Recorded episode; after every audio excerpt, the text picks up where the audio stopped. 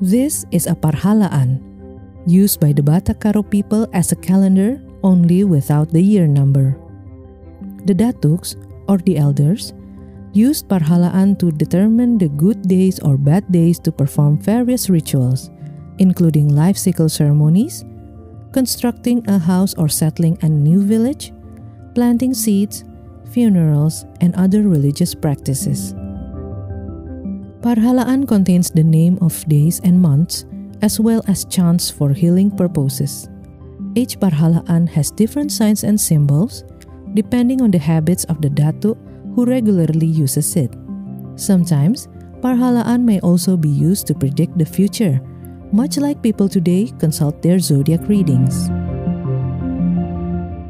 Our ancestors have been very creative in making the parhalaan. They use materials such as bamboo, but they also use bones of pigs, water buffaloes, or oxen, or wood barks. In Pakpak, in the region of Dairi, parhalaan was even made from coconut shells. To carve the writings, they use stylus like wooden stick called tarugi, made from the leaves of sugar palms. The ink is called baja, which is made by burning a mixture of plant sap and wood sap. Thank you.